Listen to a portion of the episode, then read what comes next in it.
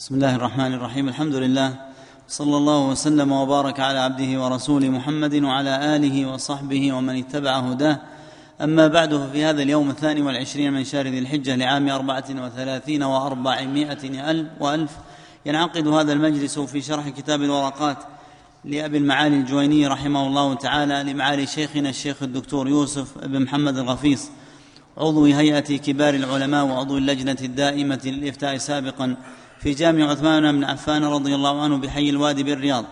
قال رحمه الله تعالى فإن قلنا انقراض العصر شرط يعتبر قول من ولد في حياتهم وتفقه وصار من أهل الاجتهاد فلهم أن يرجعوا عن ذلك الحكم. والإجماع يصح بقولهم وبفعلهم وبقول البعض وبفعل البعض وانتشار ذلك وسكوت الباقين عنه.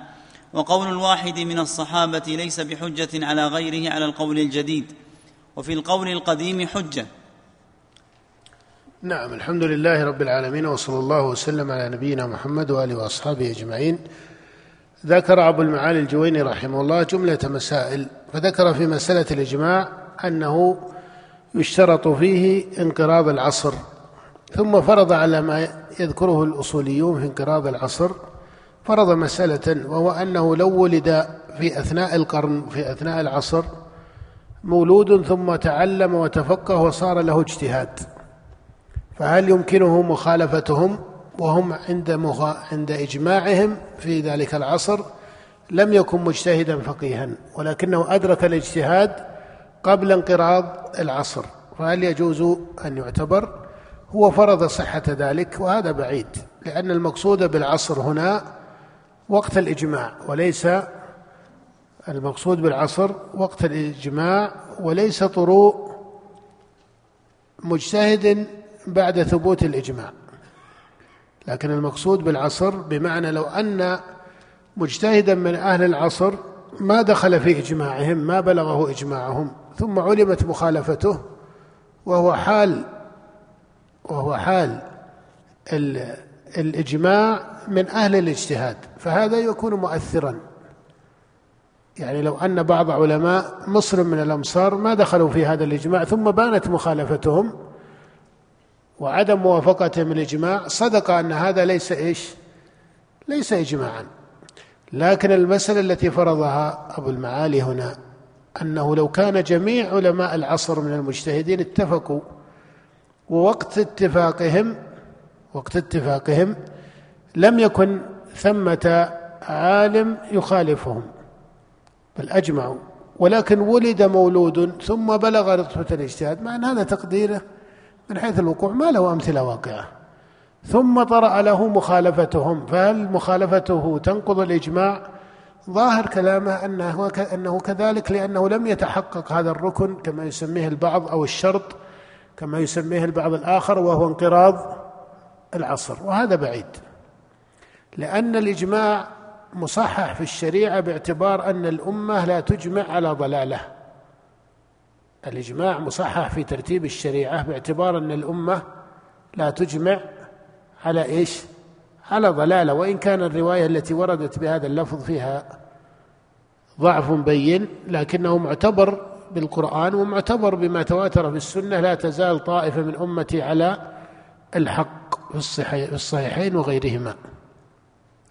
فإذا كان هذا هو المتحقق في اعتبار الشريعة إذا تبينت هذا إذا تبينت وعرفت أن ترتيب الشريعة أن الأمة لا تجمع على ضلالة فتقدير صحة مخالفته مخالفة من ولد بعد إجماعهم ولكنه أدرك الاجتهاد في أثناء عصرهم يلزم منه لزوما صريحا ظاهرا أن الأمة قبل هذا المقدر شأنه والمفروض شأنه وإن كان لا وقوع له أن الأمة أجمعت إيش؟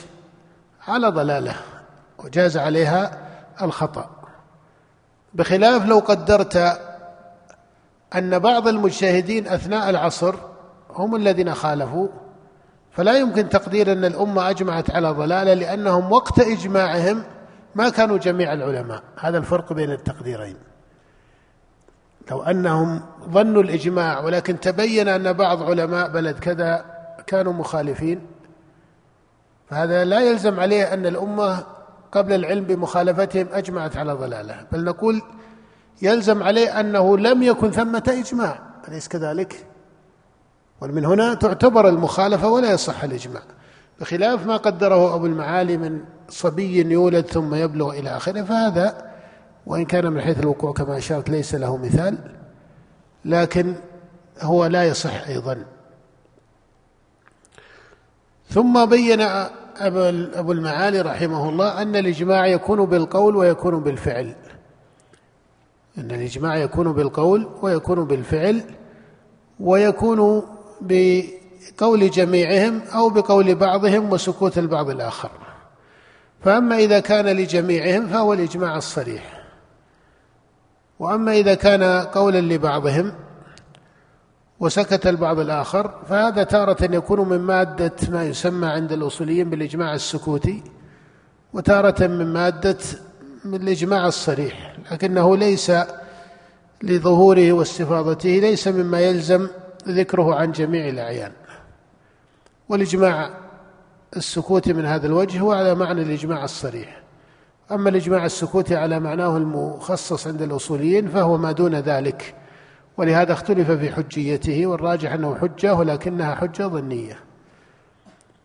ولا يقع الإجماع بقول البعض ومخالفة البعض الآخر. ولا يقع الإجماع الصريح بسكوت البعض في موارد القول. ثم ذكر ما يتعلق برأي الصحابة رضي الله تعالى عنهم. ومذهب الشافعي رحمه الله فيه خلاف وذكروا في مذهبه خلافا بين مذهبه الجديد ومذهبه القديم. والراجح أن الصحابي يعتبر العمل برأيه إذا اعتضد بمقارن إذا اعتضد بمقارن. أما رأي الصحابي من حيث هو فرد فليس بحجة. لكن إذا اعتضد بمقارن سواء كان هذا المقارن وصفا أو كان هذا المقارن غير ذلك يعني إذا كان وصفا في المسألة أو كان حالا للقائل بها فهذا وهذا كله من المقارن المؤثر في اعتبار حجية قول الصحابي. المقارن إذا كان وصفا مثل إذا كان قول الصحابي مما لا يقال بالرأي. هذا وصف مؤثر. بخلاف موارد الاجتهاد الصريحة. هذه رتبته دون رتبة ما يغلب على الظن أنه ليس مما يقال بالرأي. وأما المقارن من حيث الحال وليس الوصف ككون الصحابي يقول بقول هذا جملة أخرى من الصحابة. إذا قال جماعة من الصحابة قولا ولم يشتهر مخالفتهم أو كان قول هؤلاء الجملة يقتضيه القياس اعتضد هذا بهذا فصار مما يستعمل في الاحتجاج. ولكن قول الصحابي في سائر موارده حتى مع ما قيد به لكونه حجة إنما هو من الحجج الظنية ليس من الحجج التي تلزم إنما هو حجة ظنية ليس حجة قاطعة لازمة على المخالف. لكن ليس المقصود أن قول الصحابي حجة على الإطلاق. وهذا بعض المتأخرين رحمهم الله توسعوا في حكاية الخلاف في قول الصحابي. وبعضهم أطلق أن قول الصحابي حجة. وهذا لا أظن أن عالما يقول به من الأئمة السابقين لأن الصحابي ليس مشرعا. الصحابي ليس مشرعا. فهم لا يقصدون أن قول الصحابي كيفما اتفق وحيثما وقع فيكون إيش؟ حجة كما تقول قول النبي حجة على المسلمين إنما لابد لكل من قال إن قول الصحابي حجة لابد أن يجعل له إيش؟ يجعل له ماذا؟ مقارن إما أن يقول لم يظهر له مخالف وإما أن يقول أن يكون مما لا يقال بالرأي يقيدون أما إذا كان قول الصحابي بذاته حجة ذاتية هذا ممتنع في الشريعة لأنه يلزم عليه تعارض يلزم عليه إيش؟ تعارض الحجج. لماذا تعارض الحجج؟ لأن الصحابة ماذا؟ يختلفون أليس كذلك؟ فلو كان قول الصحابي من حيث هو قول لصحابي لكونه نطق به الصحابي يصبح حجة حجة على الأمة للزم من ذلك أن اجتهاد الصحابي حجة واجتهادهم يختلف وهذا لا قائل به. هذا لا قائل به هذا لم يلتزم به إمام. فما أطلقه بعض المتأخرين لا يصح فهمه على هذا التقدير يفهم على أنه له وصف. أما أنت تقول قول النبي حجة لا تحتاج إلى أن تقول لا بد له من مستند أو لا بد له من مقارن. أليس كذلك؟ قول الأنبياء حجة لأنهم لا يأتون بشيء إلا بما أوحى الله إليهم. لكن الصحابي رضي الله عنه ليس حجة في ذات قوله. وإلا للزم التضاد بين الحجج بل التناقض أحيانا بين الحجج لأن الصحابة يختلفون. فإذا اختلفوا لزم من ذلك أن تقول إن حجج الشريعة إيش؟ تضادت. هذا لا أحد يقول به. فإذا قول الصحابي عند جمهور الأصوليين وعند جمهور الأئمة من قبل معتبر قول الصحابي معتبر. ولكن مثل ما نقول القياس معتبر.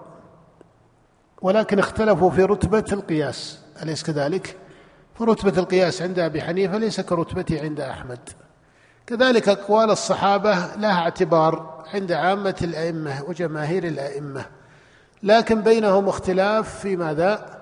في تقدير هذه الرتبة في تقدير هذه الرتبة. فبعضهم أوسع من بعض. بعضهم أوسع من بعض في تقدير أقوال الصحابة وإلا فإن الإمام أحمد كما هو مشهور وكذلك هم الشافعي وكذلك أبو حنيفة وكذلك مالك فهؤلاء الأئمة الأربعة المشاهير كلهم يعملون بما هو من أقوال الصحابة كما أنك تقول إن جميع الأئمة الأربعة يعملون بما هو من القياس أليس كذلك؟ لكن رتبة استعمال هذا للقياس ليس كرتبة هذا فكذلك أقوال الصحابة وكذلك آثار الصحابة أبلغ الأئمة الأربعة عملا بآثار الصحابة الإمام أحمد. نعم. نقف على هذا وبالله التوفيق وصلى الله وسلم على نبينا محمد.